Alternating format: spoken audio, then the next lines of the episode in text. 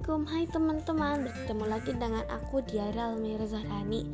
Hari ini aku akan membacakan sebuah cerita lagi. Ini aku ambil dari Let's Read Judulnya tentang membuat apam.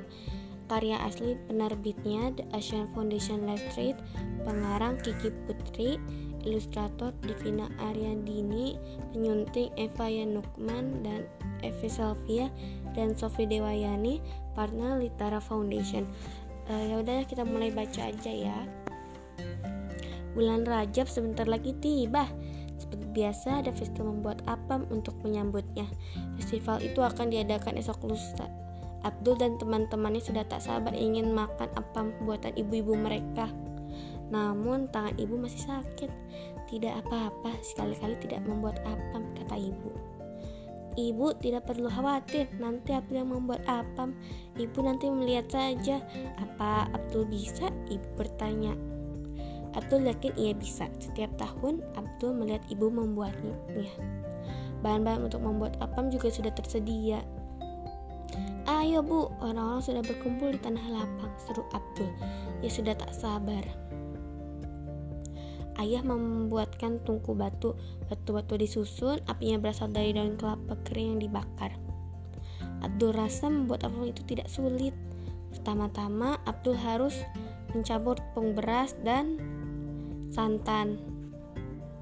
Ibu duduk saja biar Abdul mengaduknya. Hati-hati Abdul, kata ibu. Hanya mengaduk begini tentu mudah bagi Abdul. Abdul, pelan-pelan, ibu berseru. Ibu tenang saja, jangan khawatir. Abdul berusaha meyakinkan ibu. Oh, kenapa adonan tidak menetes lagi? Itu bagus, berarti adonan sudah mengental, kata ibu.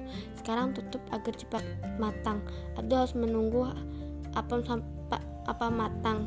Hmm, apa yang seharusnya ia kerjakan? Abdul berjalan-jalan dan melihat sekeliling. Wah, kelihatannya Abdul adalah koki paling cilik di festival ini. Tiba-tiba, wah bau gosong apa ini? Jangan khawatir, Abdul akan membuat keannya lagi.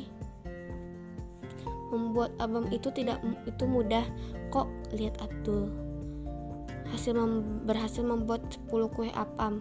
Meskipun sebagian apamnya gosong, Abdul tidak khawatir.